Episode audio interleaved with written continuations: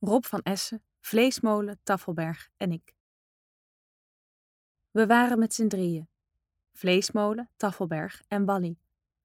Taffelberg was een aanzienlijk deel van zijn leven kwijt met het telefonisch of in levende lijven aan ambtenaren, receptionisten en andere functionarissen uitleggen dat hij geen Tafelberg heette, maar Taffelberg, met dubbel F.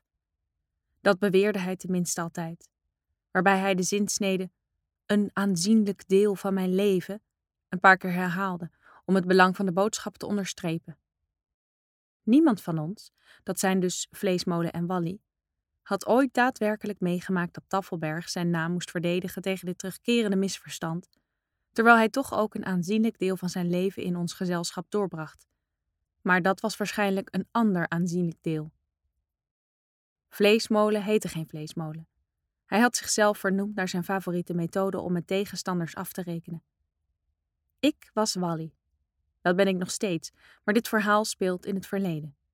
We waren toen net in ongenade gevallen, dankzij Vleesmolen, die volgens boven ons geplaatste de verkeerde dealer door zijn vleesmolen had gehaald. Namelijk eentje die voor ons werkte. Maar we waren solidair en sloten ons bij hem aan toen hij uit L werd verbannen. Nee, dat is niet waar. We werden als driemanschap gezien en Taffelberg en ik moesten tegelijk met hem weg.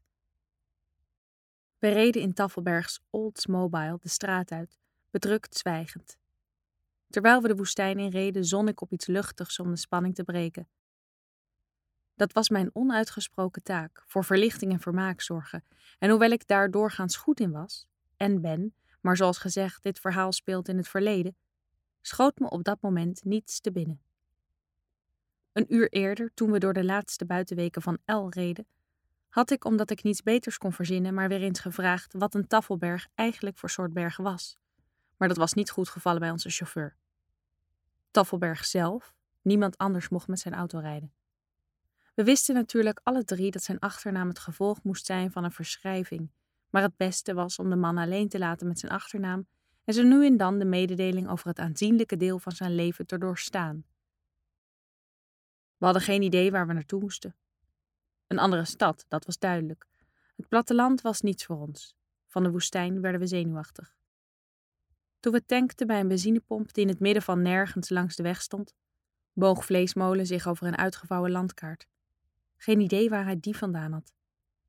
Taffelberg werd meteen kwaad omdat Vleesmolen de kaart over de neus van de auto had uitgespreid. Niet de hele kaart, zei ik, maar toch wel een aanzienlijk deel. Maar die viel niet goed. Niet bij Taffelberg en ook niet bij Vleesmolen. Alleen de pompbediende grinnikte terwijl hij de slang terugging en we wierpen hem een verwonderde blik toe. Waar bemoeide hij zich mee? En hoe kon hij de grap begrijpen tenzij hij wist wie we waren?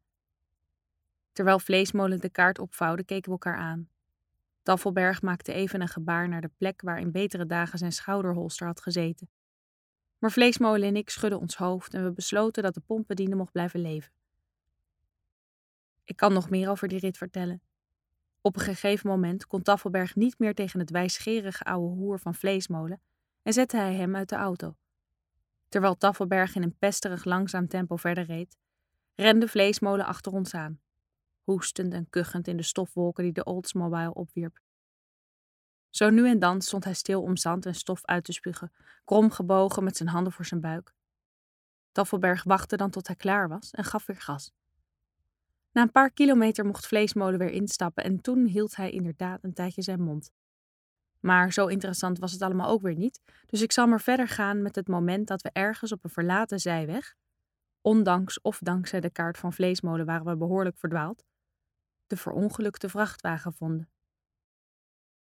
Het was onduidelijk hoe de vrachtwagen aan zijn eind was gekomen.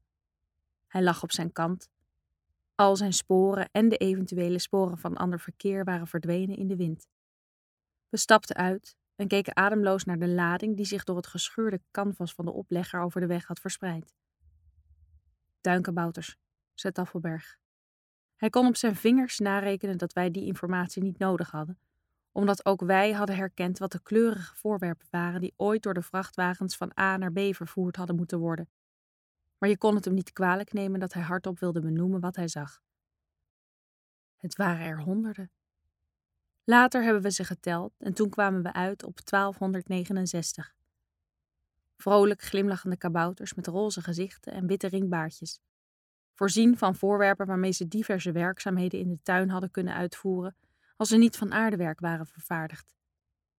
Stevig aardewerk. Toen we de lading inventariseerden, bleken er maar een tiental gebroken. Vleesmolen zag meteen mogelijkheden, dat moet ik hem nageven. Ik beschouwde de ontdekking nog als een surrealistisch intermezzo zonder verdere consequenties, maar Vleesmolen zag handel. We moesten tenslotte een manier vinden om in ons onderhoud te voorzien. Bij het pompstation hadden we ons geld bij elkaar gelegd. We hadden niet meer dan voor een paar dagen, al was er natuurlijk altijd de mogelijkheid dat er iets werd achtergehouden. Ik wist wel zeker dat die mogelijkheid bestond, want ik had nog een briefje van honderd in mijn schoen dat ik niet bij de gezamenlijke pot had gevoegd. En ik nam aan dat voor Taffelberg en Vleesmolen hetzelfde gold, met vergelijkbare bedragen. Veel verder zouden ook die bedragen ons niet brengen. We laden de auto vol met tuinkabouters en reden rond tot we een leegstaande schuur vonden bij een boerderij, waaruit de laatste bewoners zo te zien al tientallen jaren geleden waren vertrokken. Daar sloegen we de eerste lading op. De rest van de dag reden we tussen de gekantelde vrachtwagen en de schuur heen en weer, tot we alle tuinkabouters een onderdak hadden bezorgd. Het was al avond toen we klaar waren en aardedonker. Toen we wegreden bestond de wereld alleen uit wat er zichtbaar was in het licht van de koplampen. We vonden een motel aan de rand van de woestijn. Aan de horizon gloeide het licht van een stad. Dat is ons doel, wees Taffelberg. Daar gaan we morgen naartoe. We hadden honger, maar er was alleen een automaat met chocoladerepen en een ijskast met flesjes cola. We aten zoveel chocola als we op konden en spoelden die weg met cola. Toch sliepen we als rozen. Ik naast vleesmolen. Taffelberg had de kamer naast ons. Hij moest alleen slapen omdat hij snurkte. We hoorden hem door de wand heen. Het is toch niet te geloven, hè, mompelde Vleesmolen. Het is toch niet te geloven.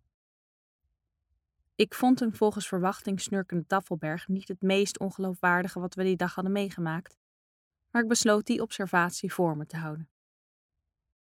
De volgende ochtend haalden we een lading kabouters op en daarna reden we naar de stad die we s'nachts bij het motel aan de horizon hadden zien liggen.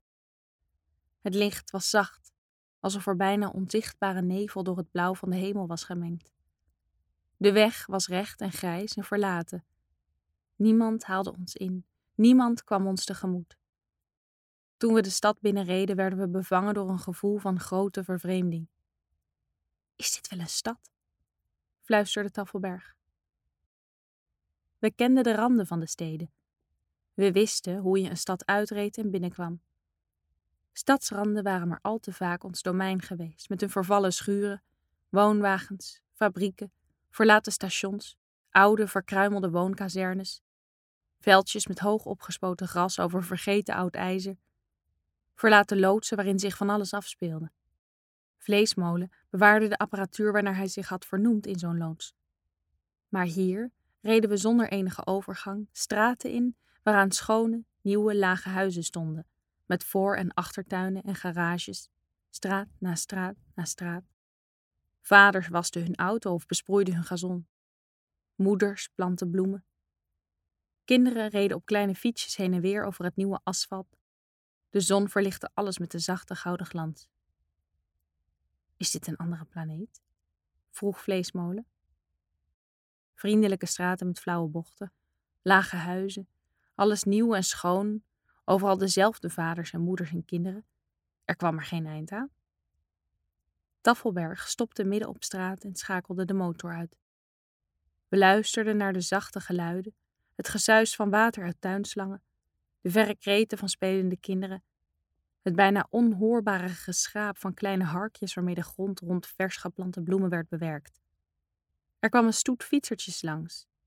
Zij reden om ons heen alsof ze ons niet zagen, alsof we ons daadwerkelijk in een andere dimensie bevonden. Taffelberg slikte iets weg. Ik voelde me net zo. Hoeveel gaan we ze vragen voor zo'n kabouter? vroeg hij. Tien, twintig? Vijfentwintig, zei Vleesmolen. Nog voor de middag waren we uitverkocht. Eerst gingen we nog van deur tot deur, maar al gauw kwamen ze op onze auto af. Luidkeels aangemoedigd door hun kinderen op hun onafscheidelijke fietsjes. Sommige ouders kochten er meerdere. Toen we aan de laatste kabouters bezig waren, begonnen vaders elkaar te overbieden, maar ik riep dat er nog meer was en dat we terug zouden komen. Dat had ik niet moeten zeggen, hield Vleesmolen me voor toen we terugreden naar het motel. Was ik nou helemaal gek geworden? Hij had wel willen zien tot welk bedrag de vaders bereid waren te gaan. De volgende dagen keerden we terug met nieuwe ladingen kabouters. De bewoners groepten niet meer samen om de auto's, alsof ze hadden begrepen dat iedereen aan de beurt zou komen. We gingen van deur tot deur. Vooral Taffelberg ontpopte zich als een geboren verkoper, maar zijn talent was eigenlijk overbodig. Er was vrijwel niemand die geen kabouter op het smetteloze, altijd net gemaaide gazon wilde hebben. Wanneer de ene straat voorzien was, ronden we de flauwe bocht naar de volgende straat, die identiek was aan de straat die we zojuist hadden verlaten, met dezelfde huizen en dezelfde gezinnen, alsof we steeds dezelfde straat inreden en de voorzienigheid ervoor had gezorgd dat binnen een paar seconden alle tuinkabouters waren verdwenen en alle geheugens van de bewoners waren gewist. Steeds dezelfde straten en ook de dagen leken op elkaar. Altijd dat zachte licht als we de stad binnenreden, altijd dezelfde zon in dezelfde blauwe lucht. De regelmaat beviel me. Het geld stroomde binnen. We hadden nu elk een eigen kamer in het motel. Eigenlijk had ik nooit eerder zulk regelmatig en eenvoudig werk gehad. Voor mij zou het altijd zo mogen blijven. Naarmate de voorraad slonk, ging ik steeds meer opzien tegen de dag waarop we onze laatste kabouter zouden verkopen. En ik stelde me voor dat we dan weer de woestijn in zouden rijden om de volgende gekantelde vrachtwagen te vinden. Op andere momenten zag ik voor me dat we met z'n drieën in een van die nieuwe lage huizen aan een van die vriendelijke straten zouden wonen. Vleesmolen, Taffelberg en ik. Het ochtendlicht valt door de dunne, rood-wit geblokte keukengordijnen naar binnen. Taffelberg staat tevreden neuriënd een omelet te maken, terwijl Vleesmolen en ik naar beneden komen, gewekt door de geur van koffie. Zo, je lag weer aardig te snurken vannacht, zou een van ons tegen Taffelberg zeggen. Maar hij zou het opgewekt weglachen en de omelet verdelen over de drie bordjes die op de ontbijttafel klaar stonden. Het was een vreemd visioen en langer dan een dag zouden we het niet uithouden. Maar hier gaf dat niet, omdat hier geen dagen waren.